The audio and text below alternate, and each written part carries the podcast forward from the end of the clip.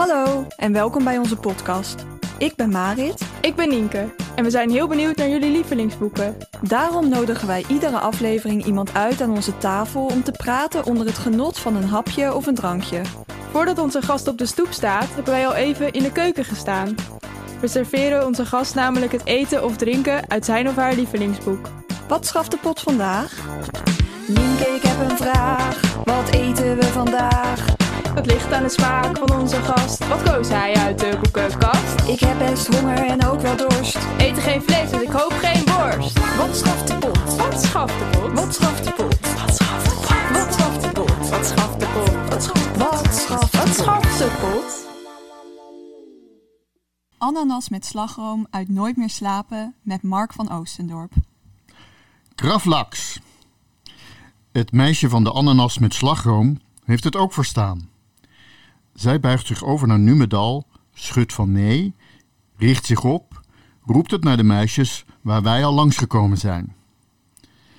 Het woord is ook aan de consumptiekant van de toonbank opgevangen. Alle klanten beginnen te zoeken naar gravlaks.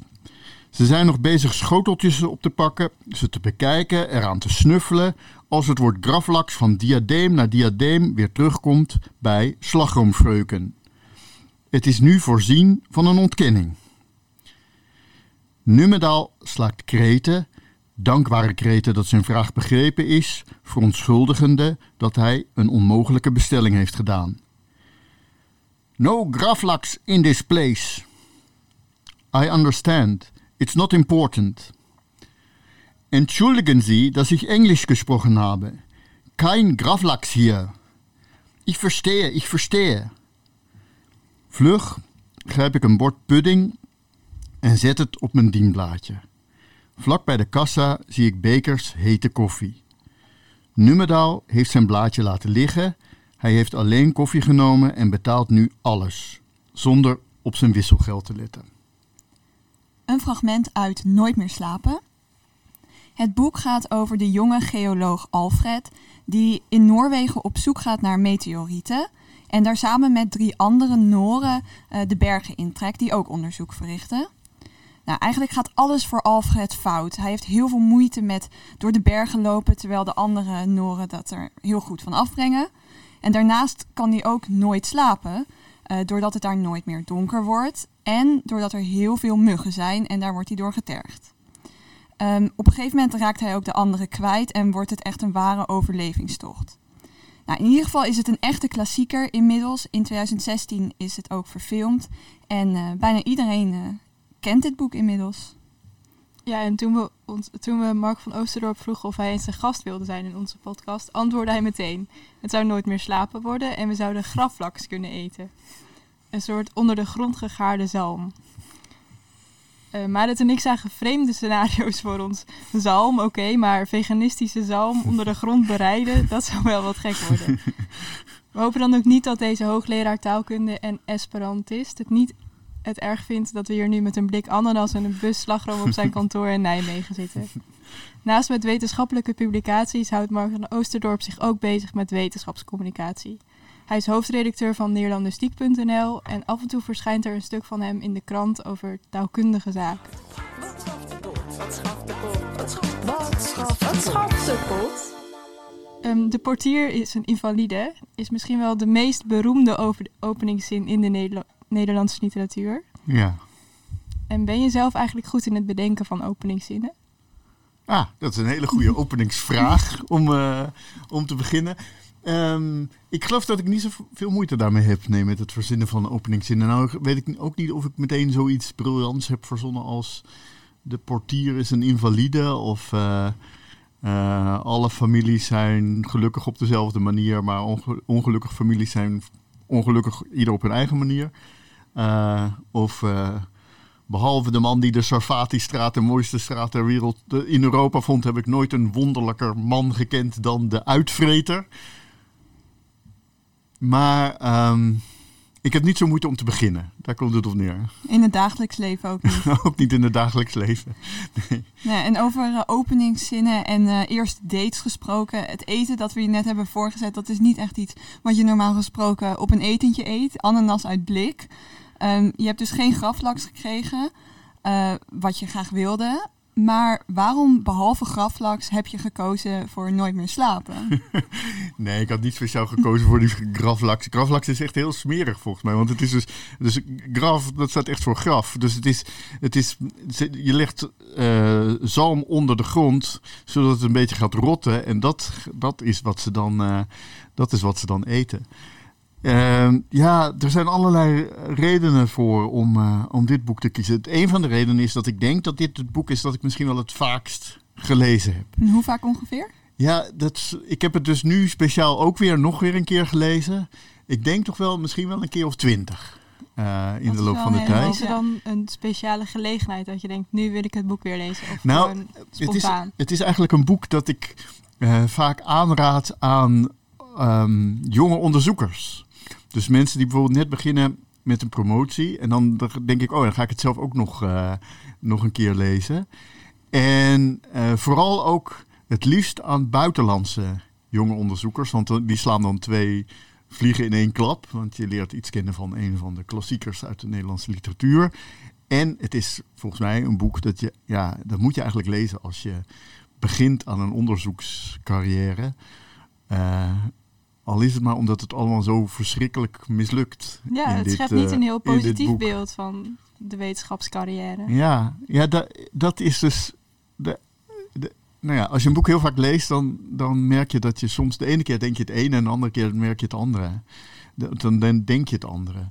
Dus uh, het schept niet zo'n positief beeld, want ja, het mislukt dus totaal. Dus deze Alfred, die, uh, die krijgt eigenlijk van zijn hoogleraar in Nederland krijgt hij de opdracht om daar in Noord-Noorwegen te gaan onderzoeken of daar uh, meteorieten zijn ingeslagen. Dat blijkt, dat blijkt de theorie te zijn die eigenlijk nergens op slaat. Er is eigenlijk geen enkele reden om te denken dat dat zo is. Nou, hij gaat daar dan toch naartoe en vindt dus niks. dus het is een soort heldenverhaal waar niks, waar niks mee gebeurt. Ja, en tijdens dat hij daar is, is het ook nog allemaal ellende. Dus, het, ja, dus hij moet de grootste, grootste ellende doorstaan. Uh, hij verzwikt zijn enkel. Alles wordt nat. Uh, hij heeft een, een donze, donze slaapzak meegenomen. En die, geloof ik, de tweede nacht wordt hij al nat. En dat wordt dus een soort klont. en nou, er, er, is niks wat goed gaat. Het is een en al ellende. Daarom heet het nooit meer slapen. En dan eigenlijk denk je, ja, dus uh, in, ik soms zeggen in een normaal boek, dan uh, door al die ellende, als het een Amerikaans boek was geweest, dan zou je zeggen, ja, door al die ellende, dan wordt dan groeien en word je sterker. Maar hij komt alleen maar uiteindelijk te vergeefs terug bij zijn moeder en zijn zus, zonder dat hij ook maar iets heeft, bereik, uh, iets heeft bereikt. Heeft, zelfs heeft hij eigenlijk niet echt veel geleerd, zou je kunnen zeggen. Dus je, zou ook nog, je kan ook nog zo'n boek hebben waarin dan iemand... Ja, oké, dat doel heb je niet bereikt, maar je bent tenminste wel heel wijs geworden. Weet je, wel? je hebt wel iets over het leven geleerd. Maar zelfs dat idee heb ik nou eigenlijk niet, dat hij, dat hij iets over het leven heeft geleerd. Het is gewoon alleen maar, alles, alles is mislukt. En toch is het een boek voor nieuwe wetenschappers. Nou, ja, ja, dat is inderdaad een beetje gek. Uh, maar dus Herman zelf die heeft gezegd... Die, uh, dat, want al zijn boeken zijn allemaal pessimistisch. En uh, dus uh, een van zijn essaybundels heet Het Sadistisch Universum. En dat is als je een personage van een van Hermans boeken bent, dan is dat echt het geval. Maar hij heeft zelf gezegd dat zijn boeken troostend zijn omdat uh, dus de lezer die voelt zichzelf een mislukkeling en een sukkel en zo. En dan lees je zo'n boek en dan denk je, ja, zo erg is het gelukkig ook allemaal nog weer niet. En dus, dat, ik denk dat hij dat als grapje bedoelde, maar ik denk ook dat het wel een beetje uh, uh, waar is hoe het werkt. Ervaar je dat zelf ook zo bij dat boek? Dat je het gevoel hebt van als er iets niet lukt in je wetenschappelijke carrière, van oh, maar dit is nog veel erger. gelukkig, gelukkig ga ik geen meteorieten zoeken in Noord-Noorwegen. uh, nou, nee, zo rechtstreeks denk ik, er, denk ik er niet aan. Maar het zijn, het zijn gewoon gedacht, gedachten en gevoelens die hij hier uitdrukt, die onderzoekers en vooral jonge onderzoekers hebben. Zo van, uh, ja, dus dan ga je een eindeloze onderneming opzetten. En uh, inderdaad heel ingewikkeld, heel moeilijk. en wat heb je er eigenlijk aan? Zelfs als hij het wel had gevonden, dus daar gaat dus daar naar Noord-Noorwegen om een meteorietsteen of zo te vinden. Nou, stel dat hij dat wel had gevonden. Hij wil eigenlijk, voel je de hele tijd, hij wil eigenlijk heel beroemd worden. Hij wil, uh, hè, dus, maar ja, daar wordt ook over gepraat door, door uh, personages in dat boek. Word je met zo'n ontdekking eigenlijk wel beroemd? Dus als het totaal gelukt was, wat was er dan eigenlijk wel gelukt? Dus er zit een heel grote vergeefsheid in. Maar er is nog wel, dus nu ik het deze keer las, dat kwam, ik had uh, een stukje gezien van een documentaire van, of nee, ik, had, ik hoorde uh, Max Span, dat is een journalist en een Hermans liefhebber, die hoorde ik op de radio vertellen dat hij, dat hij een documentaire had gemaakt over Hermans. En uh, dat ze daarvoor waren ze naar Noorwegen gegaan. En die Noren, die hadden ze had gepraat met Noren die dat boek ook hadden gelezen. En die Noren die zeiden ja, uh, nou dat is echt, dat in Noorwegen kan het nooit een succes worden, dat boek. Want hij pakt het allemaal zo onhandig aan, dat vinden we onge ongeloofwaardig. En dat is zo, hè? dus die Alfred die gaat eigenlijk volkomen onvoorbereid daar naartoe. Dus hij neemt dan een donzen slaap, slaapzak mee bijvoorbeeld. Ja, Waar slaat dat op? Waarom neem je een donzen slaapzak mee naar het noorden waar het regent en zo? Hij heeft, heeft helemaal geen goede tent waarom neem je een slaapzak mee naar het hoge noorden? Hij heeft geen tent. Hij heeft eigenlijk helemaal hij heeft niks eigenlijk wat hij, wat dus hij kan Noren, gebruiken. Dat Noren zich helemaal niet kunnen voorstellen dat je zo onpraktisch bent eigenlijk. Of...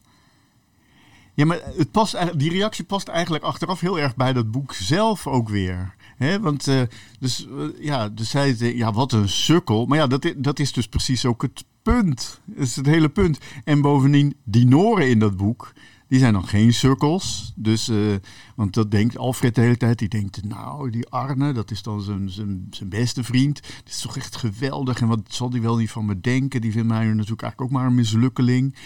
En die andere twee, die haten mij ook vast. Omdat ik dan de hele tijd achterloop. En zij moet het meeste dragen.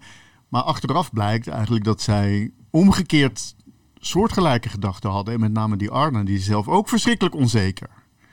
Want die durft zelf ook weer allemaal, die neemt allemaal oude rommel mee, omdat hij voor zichzelf geen goede spullen durft te kopen, omdat hij bang is dat dan, als het dan mislukt. Nou ja, dus allemaal, dus iedereen worstelt er eigenlijk. Dus iedereen zit helemaal in zijn eentje opgesloten te worstelen met wat een mislukkeling die eigenlijk is. En tegelijkertijd enorm overspannen verwachtingen van wat ze zouden willen bereiken.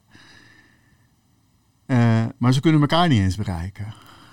Ja, want die documentaire is denk ik verschenen in het kader van het Hermansjaar. Dat is begonnen uh, in september van dit jaar. Ja. En ga je zelf dan ook nog iets doen om dat Hermansjaar te vieren? Of te nou, het, ik ben, ik, dus, hoewel dit, uh, ja, het lievelingsboek, daar hebben jullie het met andere gasten ook al over gehad, is er nou één lievelingsboek. Maar, uh, dus hoewel dit wel een boek is dat ik heel veel heb gelezen, ben ik niet speciaal heel erg een Hermans adept. Maar we gaan op Nederlandistiek gaan we wel een paar dingen doen. We zijn eigenlijk al iets aan het doen. Namelijk, we hebben iedere dag een citaat. Dat is uitgekozen door een schrijver of door een uh, Neerlandicus. Of nou, door iemand is uitgekozen. Dat doen we een, een, heel jaar. Dus op 1 september is inderdaad het Hermansjaar begonnen. Want toen was hij 100 jaar geleden geboren. En uh, er was een bijeenkomst in de Nieuwe Kerk. En dan op 1 september volgend jaar, 2022, is er weer een bijeenkomst in de Nieuwe Kerk. En dan tussen die tijd doen we iedere dag zo'n citaat. En we gaan ook een wedstrijd organiseren voor scholieren.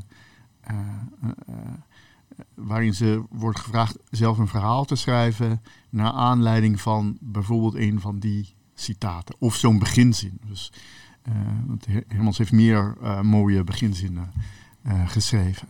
Maar het is niet, dus ik ga niet nu het verzameld werk van Hermans nalezen. Er zijn zelfs, moet ik eerlijk zeggen, hele stukken van, van Her Hermans heeft dus heel veel van die polemieken geschreven. En ja, dat is niet een genre dat mij heel erg uh, interesseert. Dat, dat dan, ja, allerlei uh, schrijvers die niemand meer leest, volkomen belachelijk worden gemaakt. Ja. Uh, dus nee, Ja, en Alfred wordt in het boek eigenlijk wetenschapper om de carrière van zijn vader na te jagen, die dat nooit heeft afgemaakt. En door de druk van zijn moeder, die dat ook heel graag wil. En waarom ben jij wetenschapper geworden? Nou, zeker niet vanwege de druk van mijn vader en of mijn moeder. Ehm, ja, ik weet het niet. Dus ik denk, ja.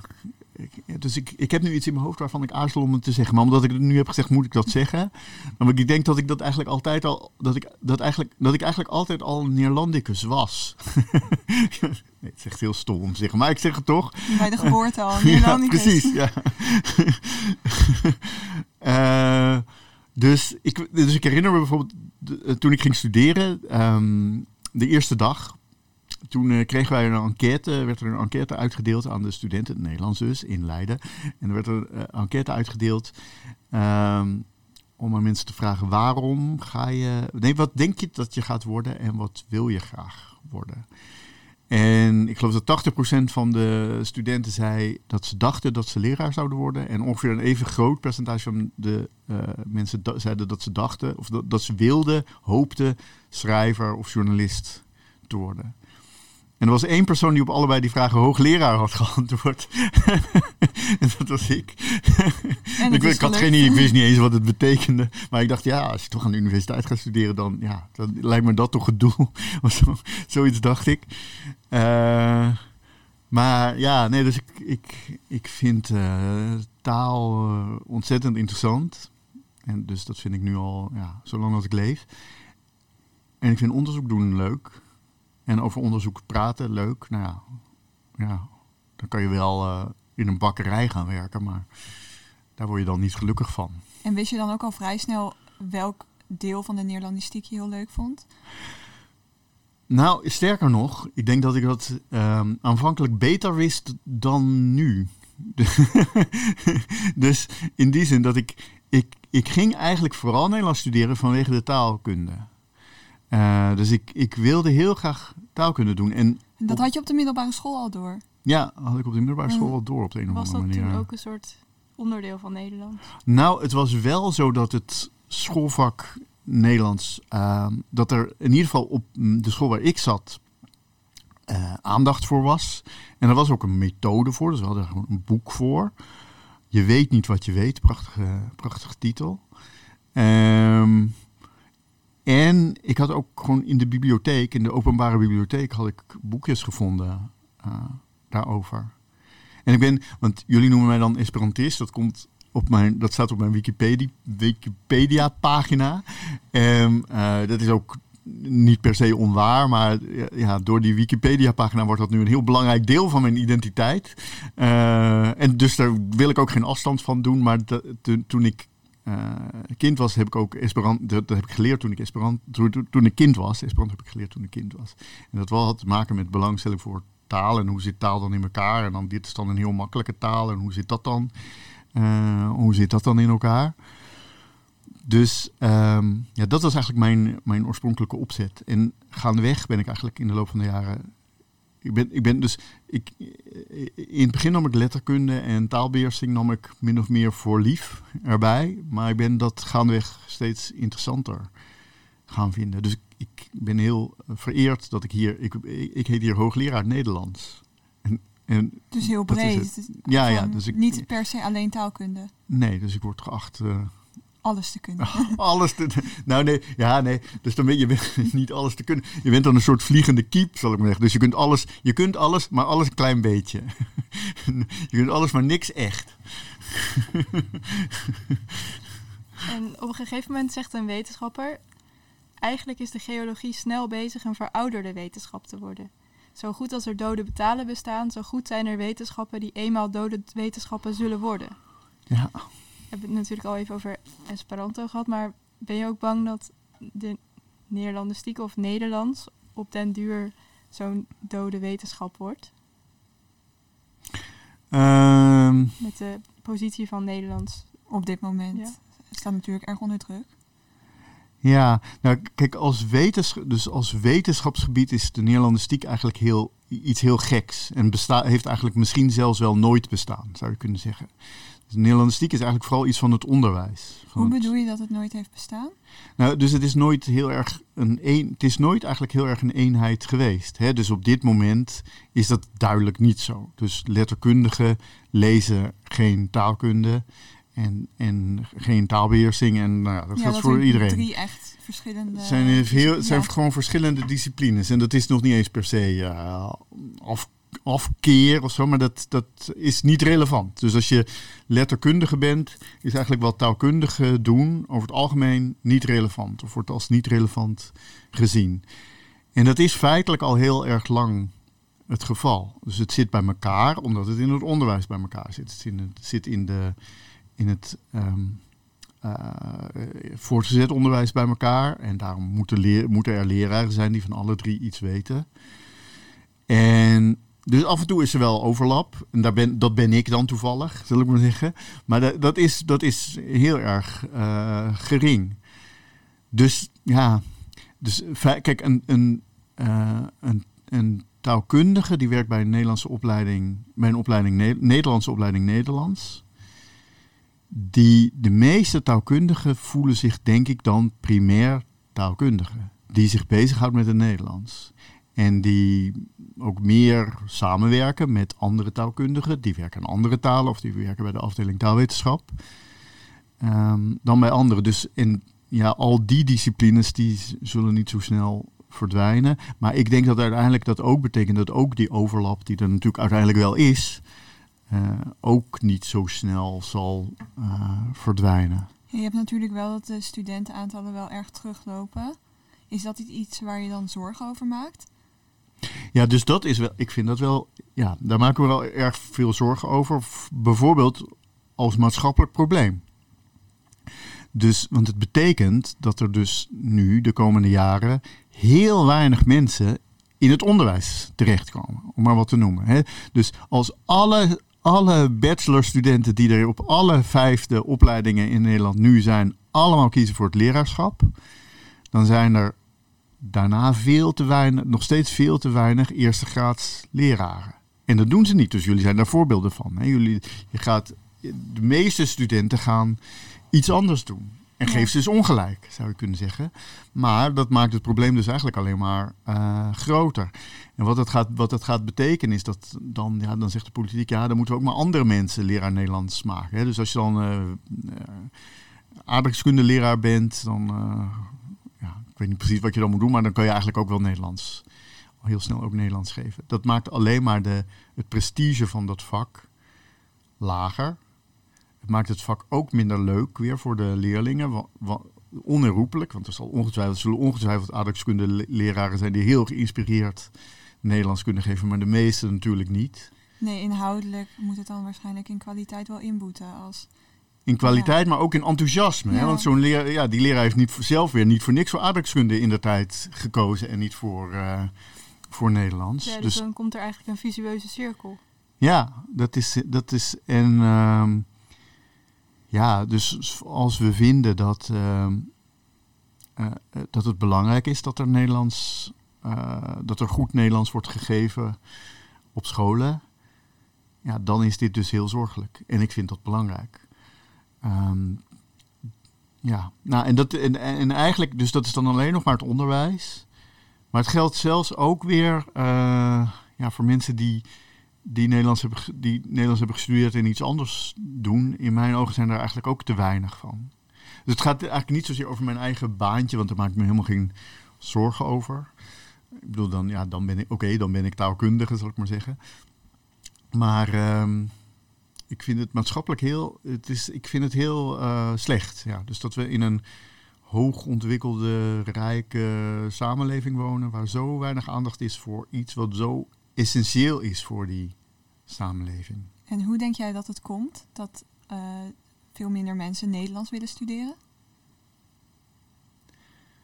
Ja, het is, het, dus het is in ieder geval heel belangrijk volgens mij om te begrijpen dat het, dat het bijna overal in de westerse wereld gebeurt. Dat er minder belangstelling is voor de moedertaal. Dus er zijn, er zijn allerlei specifieke dingen waar mensen aan denken. Dus wordt het schoolvak is dus te weinig interessant en uitdagend. Ehm, Of uh, nou ja, studenten die kiezen vooral voor Engelstalige opleidingen. En ja, Nederlands wordt nooit een Engelstalige opleiding.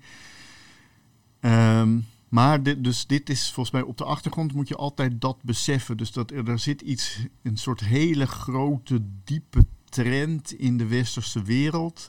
Weg van geesteswetenschappen, weg van interesse in uh, ja, hoe de mens zelf in elkaar zit. Of in ieder geval niet genoeg interesse om daar je studie van te maken. En daar is dit een onderdeel van. Het gaat met alle talenopleidingen in Nederland in Nederland gaat het niet zo goed. Alleen voor Nederlands heeft Nederland samen met Vlaanderen natuurlijk ook nog weer een soort speciale verantwoordelijkheid. Maar ook, ja, eigenlijk moet je ook zorgen, maak ik me ook zorgen over Frans of Duits ja, of hè, al die andere dat loopt talen. Terug, loopt ook terug. En soms eigenlijk nog meer terug. En uh, ja, dus dat je, er is, dat er in, de, ik, ik, ik heb een vriend die uh, werkte tot een aantal jaar geleden bij Nieuw Grieks in, aan de UvA. Mm -hmm. Die hadden maar een paar studenten, dus dat bestaat niet meer. Dat betekent dat er in Nederland, dus eigenlijk op de universiteit, nu niemand meer werkt die een specialist is op het gebied van Nieuw Grieks. En hoewel ik best begrijp dat um, um, we hebben niet ieder jaar 25 uh, kenners van het Nieuw Grieks nodig. Maar we hebben, ik vind, we hebben eigenlijk wel als samenleving een paar mensen nodig die op de universiteit werken. En die, dan, dan leiden ze me maar één keer in één persoon per jaar op of zo. Maar die, die dat van een ander Europees land voldoende afweten om, uh, ja, om als er eens een keer iets gebeurt, dat te kunnen duiden. En te kunnen, beter te kunnen duiden dan alleen maar een journalist die uh, toevallig in Griekenland woont. Maar die ook echt iets weet over de geschiedenis van dat land. En die dat, die taal echt door en door kent. En, nou ja, en al die dingen. En de literatuur uh, goed kent. Maar dat is, dus al, dat, dat is dus eigenlijk al een gepasseerd station. Noors, weet ik eigenlijk niet hoe dat zit. Ik denk dat Noors... Uh, Kijk, jullie komen allebei uit Groningen. Volgens mij Groningen kun je nog wel iets van Scandinavisch doen, of niet? De Zweeds kun je doen, maar Zweeds. niet Noors, volgens mij. Of Deens. Ja, Ja, mij misschien is hebben we iets dan wel Noors een soort bijvak. Ja, of eh, dat het is ingebed in Scandinavische studies. Ja, ik geloof dus op de UvA is het, geloof, kun je geloof ik nog wel Scandinavisch, maar dan, is het, dan studeer je dus Scandinavische talen. Ja. Dat dus al heel wonderlijk is, dan gooi je gewoon allemaal bij elkaar. Hup, één eh, IJslands, dat maak je er allemaal uit. Hup. Ja, Ja, en los van de Neerlandistiek, ehm, gewoon Nederlands als taal. Denk je dat dat op den duur zal verdwijnen doordat bijvoorbeeld de hele wereld Engels gaat spreken? Of Esperanto. Of Esperanto. maar, wat denken jullie? Voorlopig denk ik het niet. Maar ik vind het heel moeilijk om daar iets over te zeggen. Omdat ik daar eigenlijk veel te weinig van weet. Maar het is natuurlijk al wel jarenlang aan de gang van het Engels neemt het Nederlands over. Maar het Nederlands is nog steeds... Ja, is Ja. er nog. En jij? Ik denk het niet eigenlijk. Ik denk dat het ook wel dat Nederlands ook een soort ehm, cultuuruiting is. En dat er heel veel trends in de maatschappij zijn, de wereldwijde maatschappij, die zorgen dat alles hetzelfde wordt op de wereld. Homogenisering. Maar dat er tegelijkertijd ook nog wel weer dingen zijn die zorgen dat mensen heel veel van elkaar verschillen. Ja. En ik denk dat talen daar een belangrijk onderdeel van zijn. Maar weet niet, het gaat vooral om wat u ervan vindt. Ja, ik weet eigenlijk niet waarom, waarom het speciaal daarom gaat, wat ik ervan vind. Want ik denk eigenlijk niet dat je hier deskundig in kunt zijn, omdat het gaat over een situatie die je nergens mee kunt vergelijken. Maar ik denk eigenlijk ook niet. Ik denk dat het, dat het nog lang gaat duren voordat het Nederlands zal verdwijnen. Eh, dus mijn, mijn favoriete voorbeeld is dat nog steeds ook jonge mensen zoals jullie eh, in mijn ervaring het gevoel herkennen dat je, je bent in het buitenland en je komt iemand tegen die je niet kent. En omdat je die persoon niet kent, ga je dus Engels met die persoon praten. En dan op een bepaald moment kom je erachter dat die persoon uit Nederland komt. En dat geeft altijd een een beetje raar, ongemakkelijk gevoel. Dat je iets alsof je iets raars hebt gedaan door Engels te praten met een Nederlander. En dat, volgens mij, zolang dat gevoel bestaat, is, is, ehm, ah, is er niet zoveel aan de hand, denk ik. Dus ehm, ah, ja, Kijk, mensen zeggen. Dus ik, ik denk wat ook belangrijk is, is dat het geen strijd wordt gemaakt tussen het Nederlands en het Engels. Dat, ik denk dat dat, voor mij is dat eigenlijk het belangrijkste. Er zijn nog mensen die zeggen, ja, we moeten ten strijde trekken tegen het Engels. En het is een schande dat uh, nou ja, op de universiteit bordjes, in het, dat er bordjes in het Engels zijn. Um, maar ik denk, op zichzelf kunnen mensen, we weten dat mensen kunnen best met meer dan één taal leven. En uh, dus dat gebeurt al door de hele wereldgeschiedenis, is dat eigenlijk de normale situatie. In, op, de op dit moment is het nog steeds in het grootste deel van de wereld dat de normale situatie. Het is alleen dat wij hier in Europa zitten met een raar soort ideologie van één, dat, één, dat je één, eigenlijk alleen maar één taal echt goed kan beheersen en dat dat het ideaal is. Maar je kan waarom? Je kan best meer dan één taal uh, uh, spreken. Dus als je er een strijd van maakt, dan verliest uiteindelijk het Nederlands. Want het Engels, daar kun je meer mee.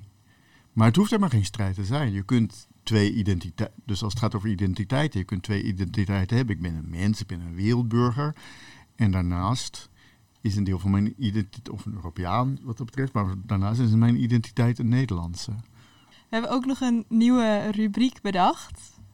Ja, we hebben sinds deze uh, week hebben bedacht dat uh, de gast van deze keer een vraag gaat stellen aan de gast van de volgende keer.